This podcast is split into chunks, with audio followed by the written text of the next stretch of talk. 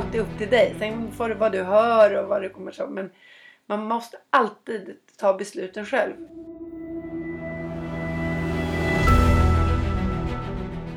Hej och välkommen till Mentala Mästare. Podcasten om mental träning och om den mentala styrkan i att prestera när det gäller. Mitt namn är Eva-Marie Vergård och jag jobbar som mental tränare. Mentala Mästare skapade jag för att vi ska bli inspirerade av olika personers mentala strategier. Jag vill med denna podd visa upp den verktygslåda som finns när det gäller mental träning och därigenom skapa en möjlighet för dig att hitta de verktyg som passar just dig. Kom ihåg, verktyg fungerar allra bäst när vi använder dem. Prenumerera gärna på Mentala Mästare och följ oss på Instagram för ännu fler inspirerande avsnitt och inlägg. Nu ska vi fortsätta lyssna på powerduon Lisen Bratt Fredriksson och Peder Fredriksson i del 2 av 2. Påminner dig än en gång, fatta pennan, gör dig redo. Nu går starten. Något annat som jag tycker är superspännande med er, det är att ni tänker utanför boxen. Att ni försöker hitta nya vägar. Dels det här med mental träning och sen har jag vetat att ni håller på med hovslageriet och foderlära och horsemanship. Alltså var kommer den här nyfikenheten ifrån? För, för mig in, ingår den nyfikenheten i mental träning och liksom just att jag vill hitta alla sätt att bli lite bättre. Alltså... Ja, men det är ju många... Om man, man ska säga att eh, om man sätter upp allting i en eh,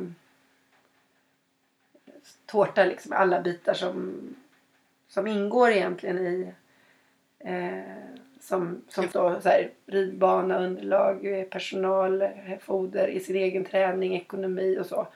Jag tror ganska tidigt fick vi lära oss i alla fall när vi hade de här ungdomssatsningarna att så här, jobba med olika delar och så. Och jag har alltid varit intresserad av att liksom, förbättra de här delarna. Så har vi båda två varit intresserade av att att, liksom att jobba egentligen med helheten och jobba, och jobba så här, jobba med kvalitet. Vi, vi bestämde oss rätt tidigt att vi vill jobba långsiktigt med kvalitet. Det har varit våran så här, försöka göra det. Det är inte så lätt alltid men att liksom, försöka göra det. Och, så det ena är lätt det andra men i, i grund och botten är det väl ett, ett intresse man har liksom att kunna, nej men du är intresserad av hovslageribiten för att du vet vad, hur viktig det, den biten är.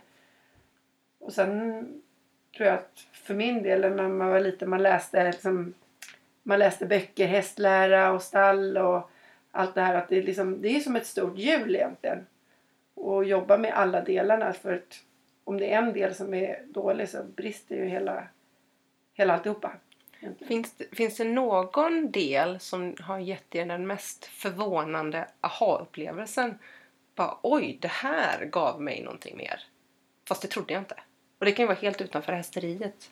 Ofta tycker jag att det är så att man, man gör det man gör och sen går det ganska bra. Sen kommer man på att man har en, en svaghet. Antingen man kanske själv har en svaghet eller, eller det finns eh, i ens upplägg eh, i managementet och så. Men sen när man börjar titta på den specifika delen, när man tar upp den och man läser på om den och så vidare. Då kommer man ju på att oj vad mycket utveckling det finns just här.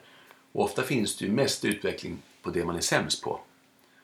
Och eh, det, ofta är det för att man inte tycker det är så intressant kanske. För det man tycker är intressant och kul det är man ju ofta bra på. Men de andra bitarna eh, kanske man inte jobbar lika hårt med. Men när man väl tar tag i det sen och man sätter sig in i det så kan det ju bli jätteintressant. Så helt plötsligt så kan det man har haft som en svaghet kan sen bli ens absoluta styrka. För att är man ganska bra på det, du behöver aldrig riktigt ta tag i det. Då kan du glida på ändå och det löser sig. Men är du dålig på det och du måste ta tag i det, då riktigt jobbar du med det och blir intresserad av det och då kan din svaghet bli din styrka.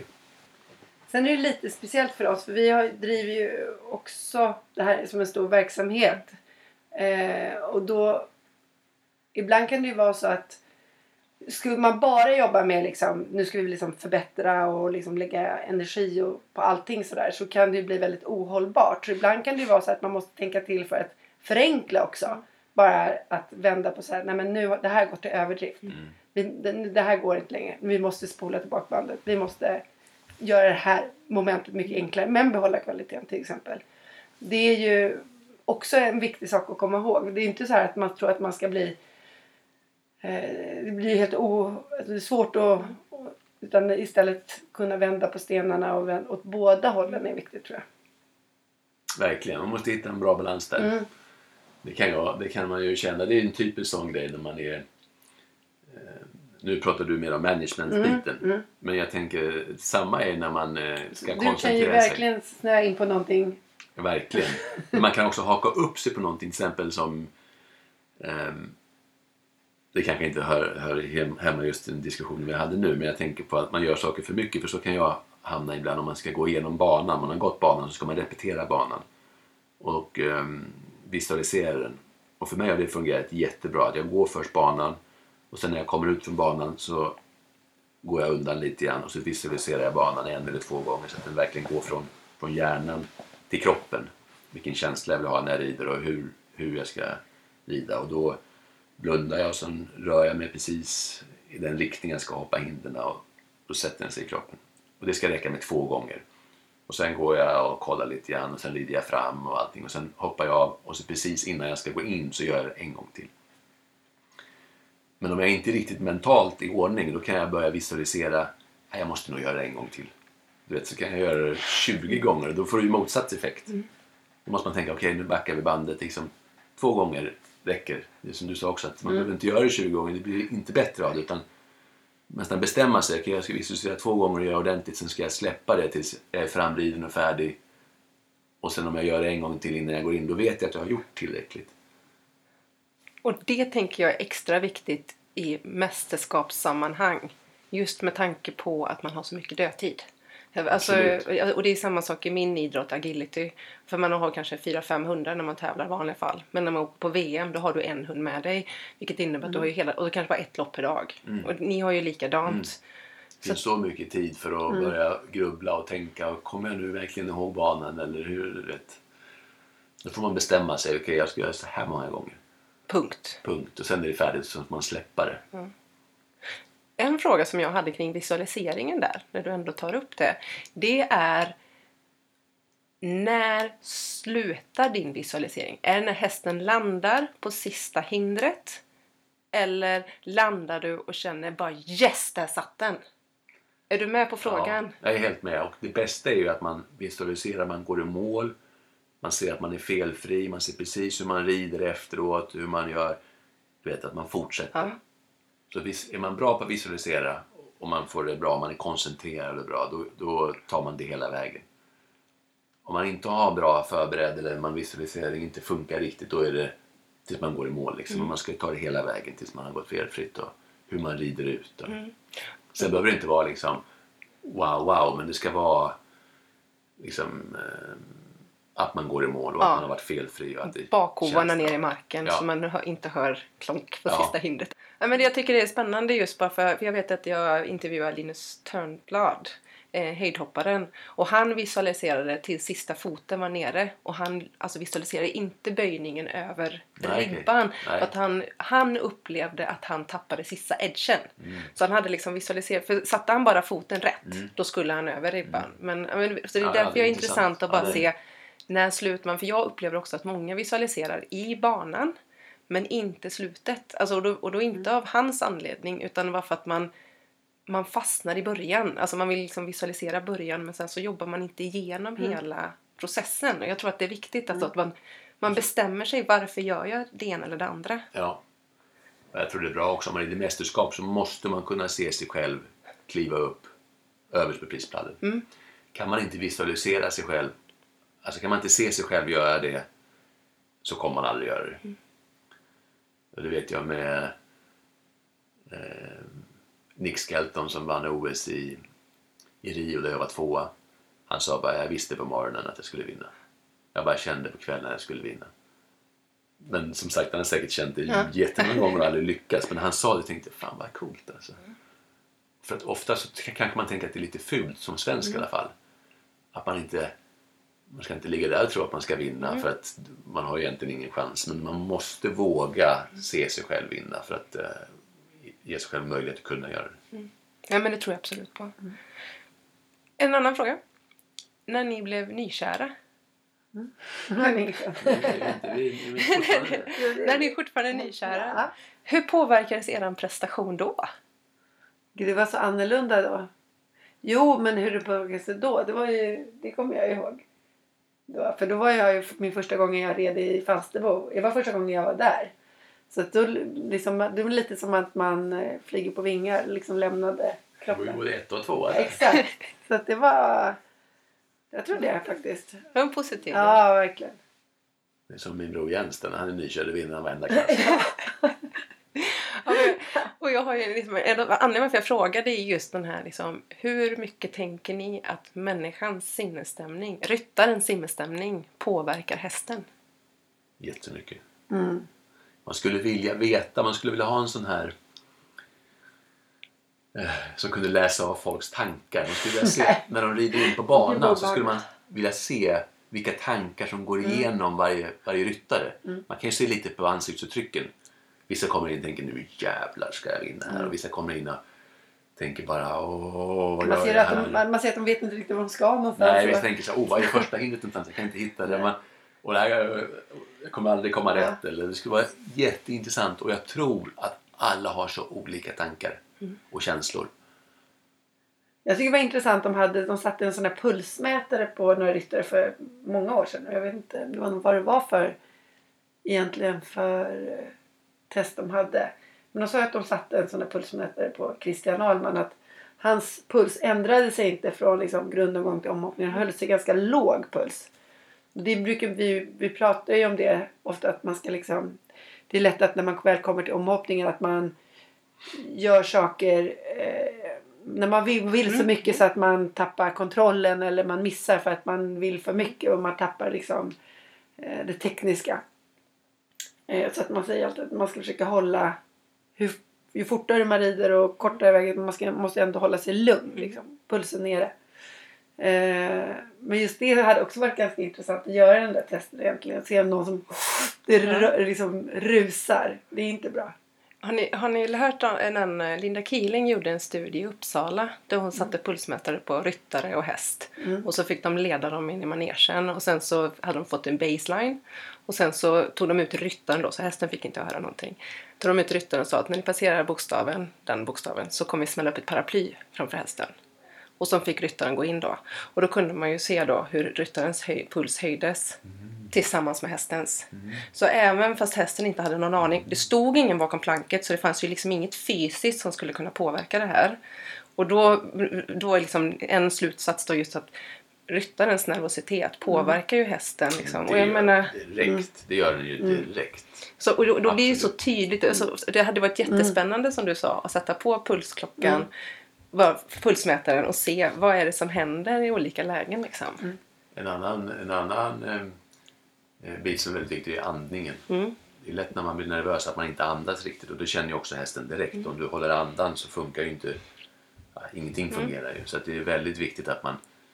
Eh, man får tvinga, jag brukar tvinga mig själv. Liksom. Nu, nu behöver jag inte göra det för nu kommer det naturligt. Men att man verkligen, till och med omhoppning, att man, att man tänker på att man andas hela vägen runt.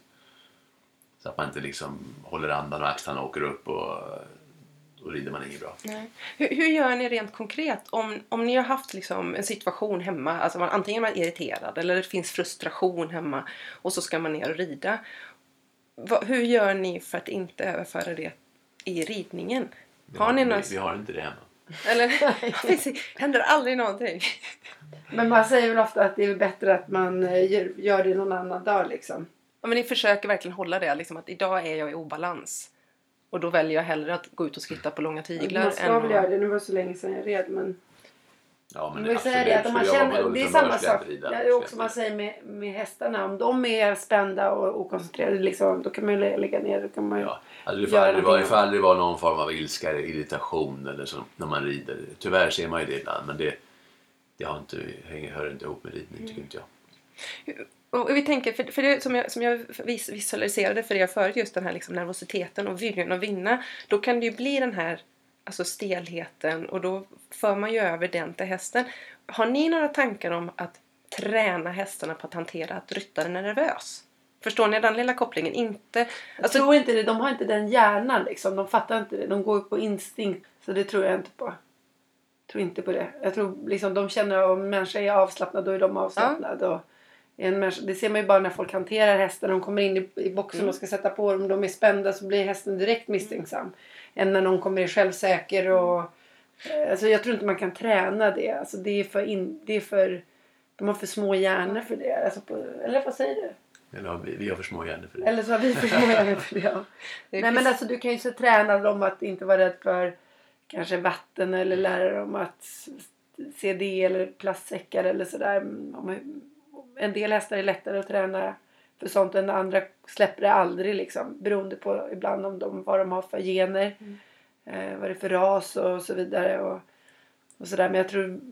Jag tror det bästa är att träna sig själv, att hålla pulsen låg och, Mm. och, och, och inte bli spänd. Men däremot så finns det ju de hästar som är ju mer tåliga liksom. Så att de, de som är mer lämpade, en känslig häst om de har en spänd ryttare på sig blir ju katastrof liksom. Den känner ju allt det. Men sitter du på en sån här riktigt bra ridskolehäst som är lugn och då, då tror jag inte den bryr sig alls liksom om du är spänd eller så. Då är han... För det är precis Ja. det, just det här att, för jag brukar prata om de här stressresponserna, Mm. alltså frysa, fly eller fäkta. Och då finns det ju alltid någon som säger så här, ja men fast min förra hund, min förra hund, fast jag höll på att skita ner mig av nervositet så gick min hund och levererade. Och då brukar jag säga det, men det var för att den hunden var en fighting dog. Alltså det Mm. var den här hunden som bara du kan få vara hur nervös du vill, jag vet vad jag ska göra. Medan Mm. din nuvarande hund är förmodligen en, en mer reaktiv och har liksom mer nerverna utanpå. Mm. Och då köper den utifrån. Är det någonting som ni kan känna igen från Mm. ridningen? Nej, men jag tror att det är så här om, om det kan jag tänka själv, för man kan ju vara väldigt nervös när man ska gå in i en omhoppning. Och klart hästen känner ju också av det. Men så kanske du går in och du gör en jättebra omhoppning, allting fungerar jättebra. Så kommer du till nästa omhoppning och du är nervös igen. Och du går in och du gör en jättebra omhoppning inte i en bom. Det är klart att den ryttaren och den hästen får ju en bra upplevelse trots att man är nervös. Och då nästa gång så kommer det gå bra fast man är nervös. Men en annan ekipage kanske kommer in, ryttaren är jättenervös, hon går in, kraschar i hinder nummer två, går ut igen. Kommer nästa omhoppning, är nervös, kraschar på hinder nummer ett. Tredje gången de går in, ryttaren är ännu mer nervös, hästen är jättenervös för de vet att det funkar inte eftersom det känns så här. Och eh, det tror jag är jätteviktigt att veta att fast jag är nervös så vet jag att jag kan prestera. Jag har gjort det förut. Det påverkar inte min prestation. Fast jag känner mig så här så vet jag att jag kan leverera. Då någonstans så tar det inte över. Det finns där. Men jag vet att jag kan leverera. Och det tror jag är den bästa känslan. Mm. Det är ju ett av de orden när jag har liksom lyssnat på olika poddar och intervjuer med er. Ett av de orden som återkommer när du pratar Peder, det är ju acceptans. Det känns som ett, liksom ett sånt där ledord i mycket av det du gör. Liksom, att acceptera det som är och gör. Det, Vad det tänker- Får jag behöver, bara inte, säga- jag känna, bara- behöver inte kännas Nej. jättebra. Det känns ju inte jättebra. Det känns lite obekvämt och det skaver lite grann. Men det är Men så jag det tror- ska kännas. Jo, men jag, jag tror vi pratar om lite olika saker. För det ena är att när du är nervös så rider du fortfarande mjukt.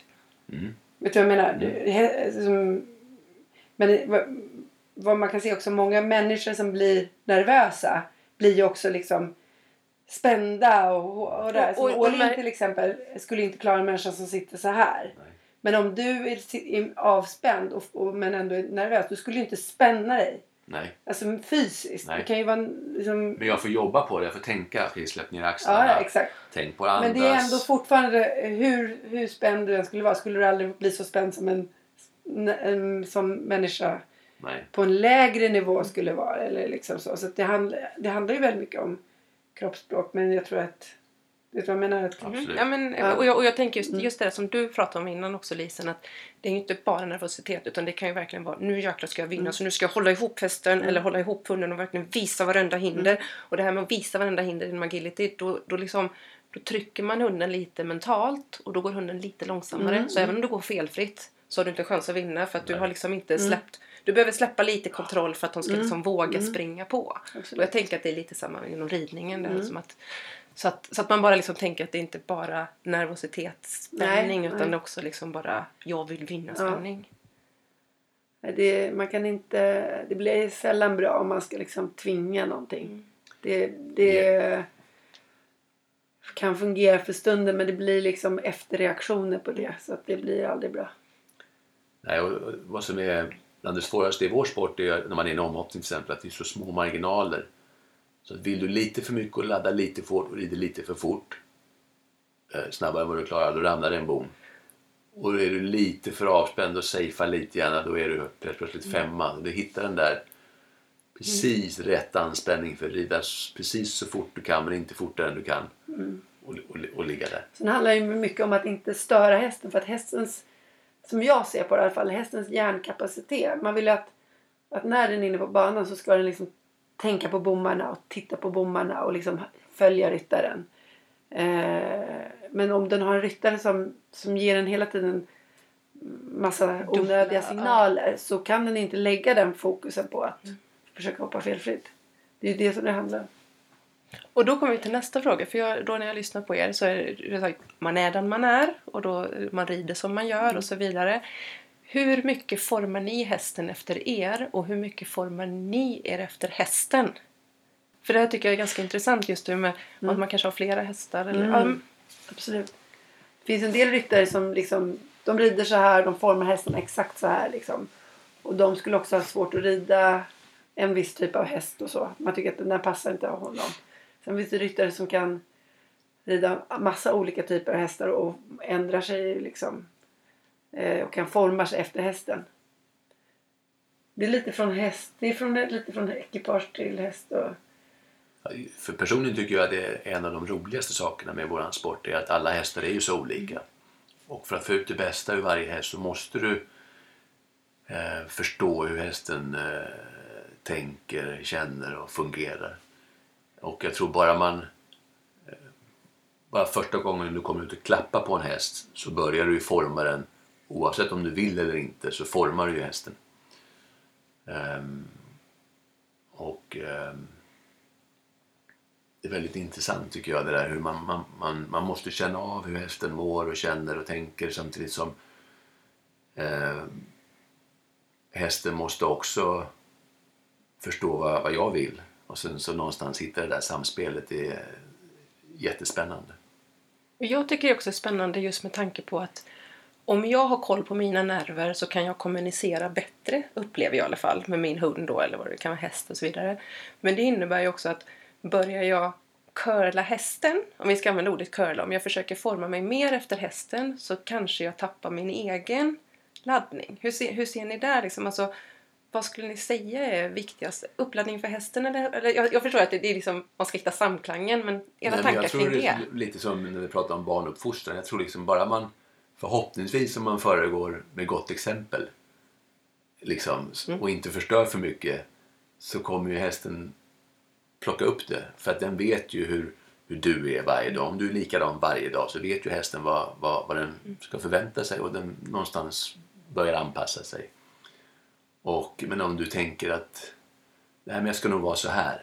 Jag ska träna så här. Då kanske det är det fyra gånger i veckan. Men den femte dagen har du glömt bort det och den dagen blir hästen väldigt förvirrad. För att, därför tror jag att det är absolut bäst att vara som man är. Var som man är. För då, då, då kan ni växa ihop som, en, som, ett, som ett ekipage och ni vet vad ni har varandra. Så vi har alla brister som ryttare och hästarna har, är bra på vissa saker och mindre bra på vissa saker. Men om det alltid är likadant då blir ni ett ekipage.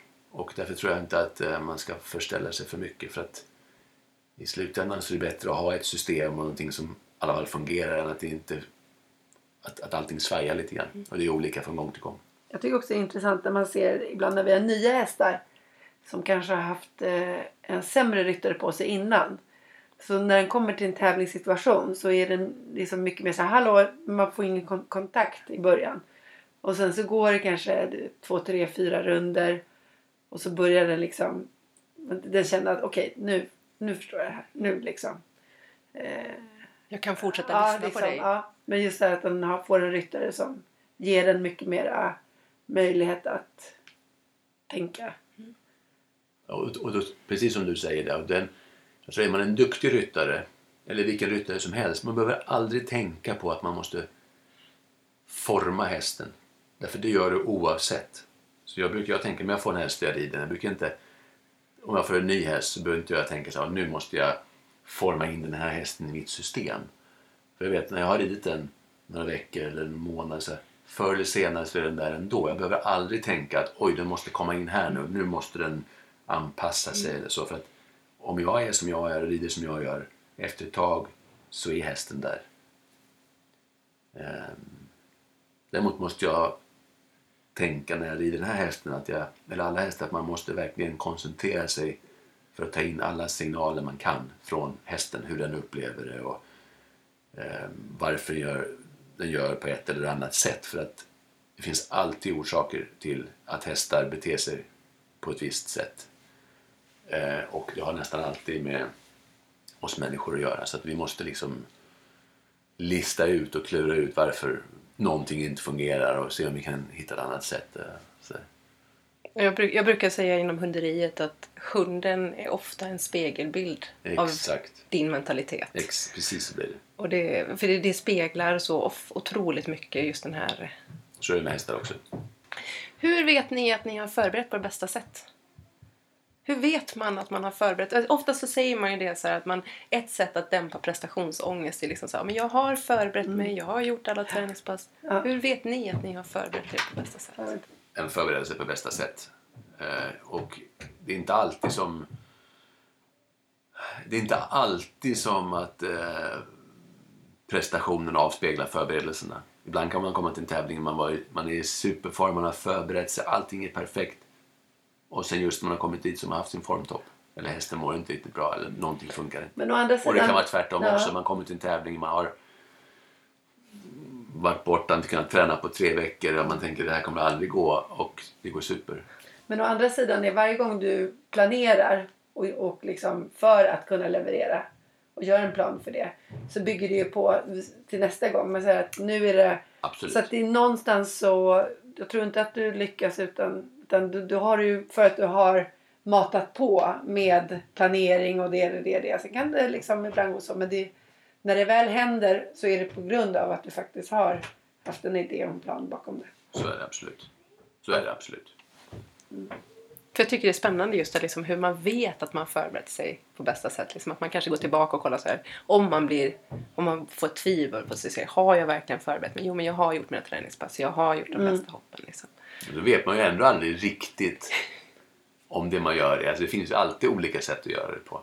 Ibland tror man att det måste vara på ett visst sätt. Eh, Men det kanske finns ett bättre sätt. Men eh, återigen så tror jag det är bättre när man har sitt system och man tror på det man följer det. Alltså ett, Jo, men- ett, ett, ett, ett sämre system är bättre än inget system alls. Men det värsta man kan komma, absolut. Men det värsta man kan komma till det är att man kommer säga ja jag skulle ha gjort så här. Jag, jag missade på det här och jag skulle ha gjort så här. För att då har du ju missat någonting. Alltså du måste ju ändå så här kunna se, se att det här kan gå fel så att jag ska kunna alltså, hitta dörrar till att så inte vara så här, men jag, ja, jag skulle faktiskt ha skrivit ner den där banskissen. Eh, alltså enkla saker som man kunde ta med sig. Absolut. Det är men, ju- men, men, men så är det ju hela tiden. Det är också det man lär sig av. Mm. Om man kan använda det till någonting till nästa gång Mm. så är det också... Förutsatt att man verkligen gör någonting. Alltså Mm, att man kommer ihåg att Absolut. man ska Mm. anteckna eller vad det kan Jag vara. hade när jag byggde... Nu, nu har jag mitt system väldigt ehm, stabilt. att. Men när jag byggde upp mitt system då jobbade jag precis så som du sa. Att man kom till en tävling och så hade man missat någonting. Då hade jag mitt system uppskrivet på exakt det jag skulle göra. Då kunde jag lägga till en sån sak. Till exempel som jag skulle antecknat när jag gick banan. Eller, och sen prövade jag det under en period. Om det inte funkar så strök jag den. Och jag jobbade väldigt metodiskt under en period. Men nu sitter det så inarbetat så nu tänker jag inte ens på Nej, och du är så otroligt strukturerad. Men jag tror att om du ser gå ut till någon av våra elever ute i stallet så skulle du kunna liksom rita, skriva upp 20 saker som hon skulle kunna förbereda sig bättre på. Eh, bara vi hade nu eh, en tjej i stallet. Hon, hon hann inte rida fram för att hon hade missat någonting. Och sen, du vet, det, var ju, alltså, det var ju en sån här lång lista på saker som kunde ha förberetts bättre. Mm. Du är ju på en sån otroligt hög nivå. Så det handlar om. Jag tänker att det är inspirerande att få höra. Absolut. Alltså, verkligen att få, och just, just det här, jag, jag, jag älskar den här metodiken. Att man, man, man inte bara säger ja men då testar jag det här. Nej det funkar inte. Utan man testar det under en period Just det. och utvärderar. För annars är det så himla lätt att, att det kanske bara lycko... Råkar det funka eller Ja. råkar det inte funka? Så sådana bitar tänker jag är, är superbra med sig. Liksom. Mm. på samma tema egentligen där. Har ni någon gång tvivlat på er själva? Och hur har ni jobbat igenom den känslan i så fall? Ja, gud ja. Jag hade, jag hade sån riktigt moment eh, på OS i London. För då blev jag, jag var reserv och blev, blev in, eh, in, kom in i laget. Eh, och då hade vi en tränare, landslagstränare, som, som inte tyckte att jag gjorde en del grejer som inte var bra. Och jag råkade överhöra honom på det på, på träningskampen innan, innan eh, tävlingen.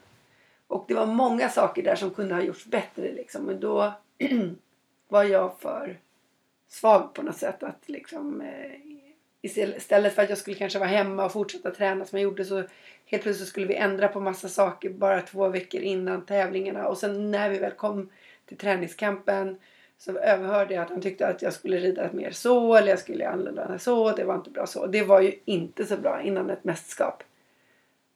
Det var hur, inget bra. Hur gjorde du? Alltså för det där Nej, men ju då tufft. var det ju där är bra. Ja, absolut. Då var det ju alltså, bra med Peder för då kunde jag ju direkt liksom säga att det här känns inget bra. Liksom. Eh, och då kunde ju du sätta mig i det. det. Då behöver man ju ha fick dålig hjälp. Måste Ja. ja. vara fel personer omkring dig. Ja, det var Tyvärr. inget bra. Så jag, jag hade... Det var, det var en sån riktig moment liksom. Eh, och det blev ju... Nu, vet, nu, nu, nu blev det ju en riktigt dålig start på tävlingen också. Och jag kan inte säga att det inte hade hänt om jag hade gjort annorlunda. För det kanske jag hade gjort ändå. Men jag tror att det kanske kunde ha varit annorlunda om jag hade gjort på ett annorlunda sätt. Och haft mer liksom självförtroende i mig när jag red.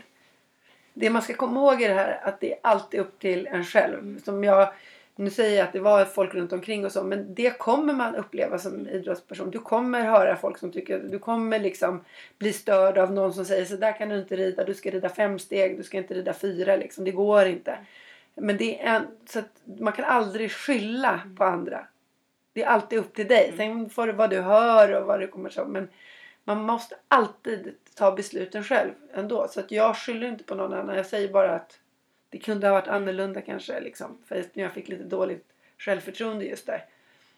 Men du har ju uppenbarligen använt det också som drivmedel. Mm, liksom. Absolut. Jag har ju kunnat liksom, dela med mig av den erfarenheten på något sätt och tänkt på det. Men, men eh, det är också viktigt att komma ihåg det. Eh, för jag tycker man hör väldigt runt omkring med det är mycket så här, han sa så och den sa det och den tränaren var inte bra och framförallt föräldrar som lägger sig i och sådär. Det är alltid upp till ryttaren att ta beslut. Det måste man lära sig. Eller liksom, Hur gjorde du rent konkret för att liksom ändra den känslan och få upp självförtroendet? men då, var, då får man vara tvungen att försöka lägga Mm. sig det bakom det. Sen klart att det, Mm. det är inte optimalt. Liksom. Det skaver någonstans lite grann hela tiden. Men, en, och att man har folk runt omkring sig som Mm. peppar en och, och sådär. Man, då får man försöka stänga av och boosta sig själv så gott det går. Tillägg Peder? Eh, men jag tänkte bara hur, hur påverkar det sen, dig sen då i din fortsatta ridning? Tror du att det störde dig den, den upplevelsen du hade där för din karriär eller inte på OS? Jag tänkte du kanske hade fortsatt rida annars tävla? Eller att du tyckte det var... Nej, nej det du är kanske så inte var sugen på att göra fler mästerskap efter det? Eller? Nej.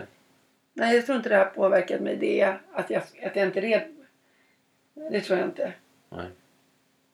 det kanske fick mig känna att jag var liksom i, att jag var absolut, att jag inte var alltså det, det kan ha påverkat lite grann att jag kände att, att liksom att man inte kände sig superbra just då. Men jag tror inte att, det här, att just den grejen påverkade att jag ska fortsätta rida eller inte. Nej. Det tror jag inte. Eh, nej. Eh, nej, och för min del, eh, om du frågade om man känner sig osäker på sig själv, det tycker jag man gör hela tiden. Det gör jag varje helg. Man undrar om, om, man, ska, om man är bra nog eller ganska ofta så känner jag så här, men gud, det här är liksom inte bra nog. Men så kan jag, ja, men okej, jag är ju tvåa i världen, det måste vara, det, är ändå, det måste ändå vara helt okej. Hade jag inte varit det så hade jag ju tänkt att, gud vad dåligt ofta faktiskt. Det är mycket oftare man känner att det inte är bra nog eller man tänker att oj det här var bra. Så, så att det är 80% inte bra nog och 20% att man tycker att det här var helt okej. Har du, något, har, har du något knep för att liksom bara, nej men alltså bara, det är ett hjärnspöke, alltså liksom att, Kolla på världsrankingen. ja det, det är så här, klicka in liksom. Ja. Nej men sen är det också um, det handlar ju inte bara om att vara bra nog, det handlar också om att tycka om det man gör. Det är också viktigt att komma ihåg att drivkraften kan ju inte bara vara framgång, det måste också vara att man tycker om det man gör. Ehm, Men jag tror alla har alla har den där osäkerheten. Ehm, Någonstans tror jag. Tror jag i alla fall, jag vet inte. Och jag tror att jag, inom, inom idrottspsykologi så pratar man nu om, ganska mycket om self-compassion. Och då är det en del i det. Dels är det mindfulness och dels är det det här som du pratade om i början. Vad skulle jag sagt till min bästa vän? Alltså vara lite schysst mot sig själv. Men också det här medmänsklighet. Alltså bara att få höra att någon annan har liksom upplevt tvivel kan göra det lättare för mig. Att, alltså okej, jag är inte den enda i världen som ifrågasätter mig själv. Att bara få höra det kan göra att man liksom har lättare att hantera det. Så jag tror att det väldigt, kommer hjälpa väldigt många Ja. att bara få höra. Jag blir förvånad ibland. när Man äter, vi är ute varje helg och tävlar och då äter man ju frukost ihop med sina kollegor. Och ganska många kollegor. Det är inte så ofta man pratar mental träning med kollegorna när man är under tävlingssituationen. Men ibland händer det ju. Och ganska många på morgonen de är helt säkra på att de kommer vinna. Att idag är min dag. Det tycker jag är så eh, fantastiskt. Jag önskar jag hade känt så varje morgon. Jag tänkte att idag är det min dag, jag kommer vinna. Så jag vet även en kollega, jag vet att jag kan bara skulle sagt till dem på en den där hästen kommer du aldrig vinna på. Men de, chansen finns liksom och de tror på den och det, det är fantastiskt. Någon gång känner jag så också men inte alls varje gång. Inte på det. Är det, är det, är det något svenskt tror ni? Eller är det nordiskt ska jag säga? För jantelagen finns ju i Norge också. Mm, ja, vi är, jag tycker man ser verkligen så här. De är tyska, de är ordningsamma och de är engelsmän och lite slarviga. Och vi är lite lagom och lite försiktiga med att uttala oss. Det är ganska så. Ja, men det tror jag att... Eh, Men mycket- jag tänker med dina kollegor där nu, alltså nu de sista åren så är, när du har kommit upp och, och rider med de som är bäst i världen. Också att känna så att de är faktiskt också mänskliga och att det också tar en att man vågar. Första gången när man, man ska vara i det rummet så är man liksom minst kanske. Och det är också så här mentalt. Jag känner att, att eh, nu, de tittar på dig och beundrar dig liksom nu. Ja, så vet man aldrig vem som kommer vinna. Det är ju så om man, om man står och eh, ser på sporten utifrån så tycker man att det är ungefär samma människor som vinner hela tiden och de är så bra. Men när man väl är i sporten så är det inte samma människor som vinner utan det är liksom väldigt många duktiga ryttare som inte vinner på många tävlingar utan det kommer upp en annan och vinner. Så att, så att alla har, alla om man är på den där tävlingen har faktiskt chansen att vinna. Och det måste man komma ihåg. Tycker ni att det är någonting som vi har missat att prata om som ni skulle vilja tipsa om eller lyfta? Eller fråga? Jag tycker, det, jag tycker det har varit väldigt liksom med allting faktiskt. Du har fått in med det mesta. Annars brukar jag känna att det, är det och det, det. Jag tycker du verkligen har nuddat vid alla delarna. Och jag skulle vilja ge som råd till många är att för att eh, eh, man får frågan ibland där hur ja, vi fick ju häromdagen, vi har en, det var en talangfull ryttare som frågade hur, hur, hur man ska göra för att lyckas, liksom, hur, hur ska jag göra för att komma vidare? Och eh, det är ju svårt att svara på för det finns ju så väldigt många olika sätt och alla har sin, sina egna vägar, spe, speciellt i våran sport. Men jag tror den här jag tror den här tankens kraft att ta en till näs, nä, nästa nivå är, är mycket större än många tror. Många tror att det handlar om pengar eller man måste få en bra häst eller en massa andra saker. Men jag tror alltså tankens kraft, alltså att, att, att man verkligen vet vad man vill och man tänker hur man ska ta sig dit och man börjar jobba. Alltså de, det steget där och att man har visioner och vågar pröva nya saker och är nyfiken. Det tror jag är, är bra råd till många. Ovärderligt. På riktigt. Vem skulle ni vilja att jag intervjuar och finns det någon fråga ni skulle vilja ställa den personen? Lite spontant sådär. Mm, vad är det? Tänker jag igenom. Jag skulle tycka det var intressant att höra jag skulle inte höra ens, ens kollegor som ligger precis ovanför en som är lite bättre. Hur de liksom tänker inför de viktigaste tävlingarna och deras svagheter. Det hade varit intressant, intressant att Det är höra. så svårt för henne att... Nej, nej, absolut. jag, jag fixar det, det är inga problem. Jag kollar världsrankingen bara. höra hur, hur, eh, Jag sitter ju här. du vet, Ja. se, se hur... eh, För, för jag tror att eh, väldigt många av de där innersta tankarna de kommer aldrig fram.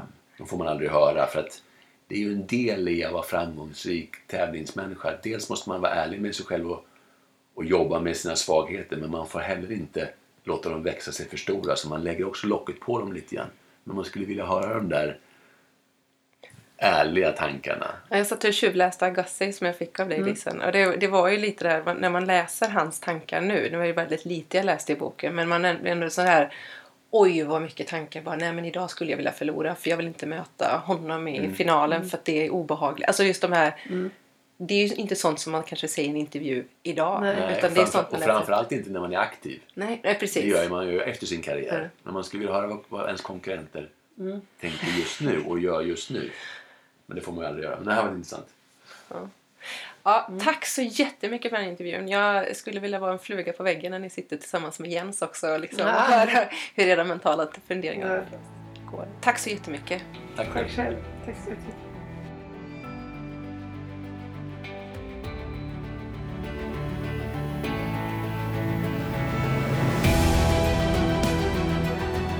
Detta avsnitt görs i samarbete med Mush. 100% råfoder för hund och katt. För mig låter det helt optimalt att kunna utfodra min hund och katt så naturligt som det bara går. Så hur kan jag som lyssnare komma i kontakt med er? Vi finns ju i sociala medier, Facebook och Instagram och på hemsidan mushbarf.se. Super! Tack så jättemycket Mikaela! Tack!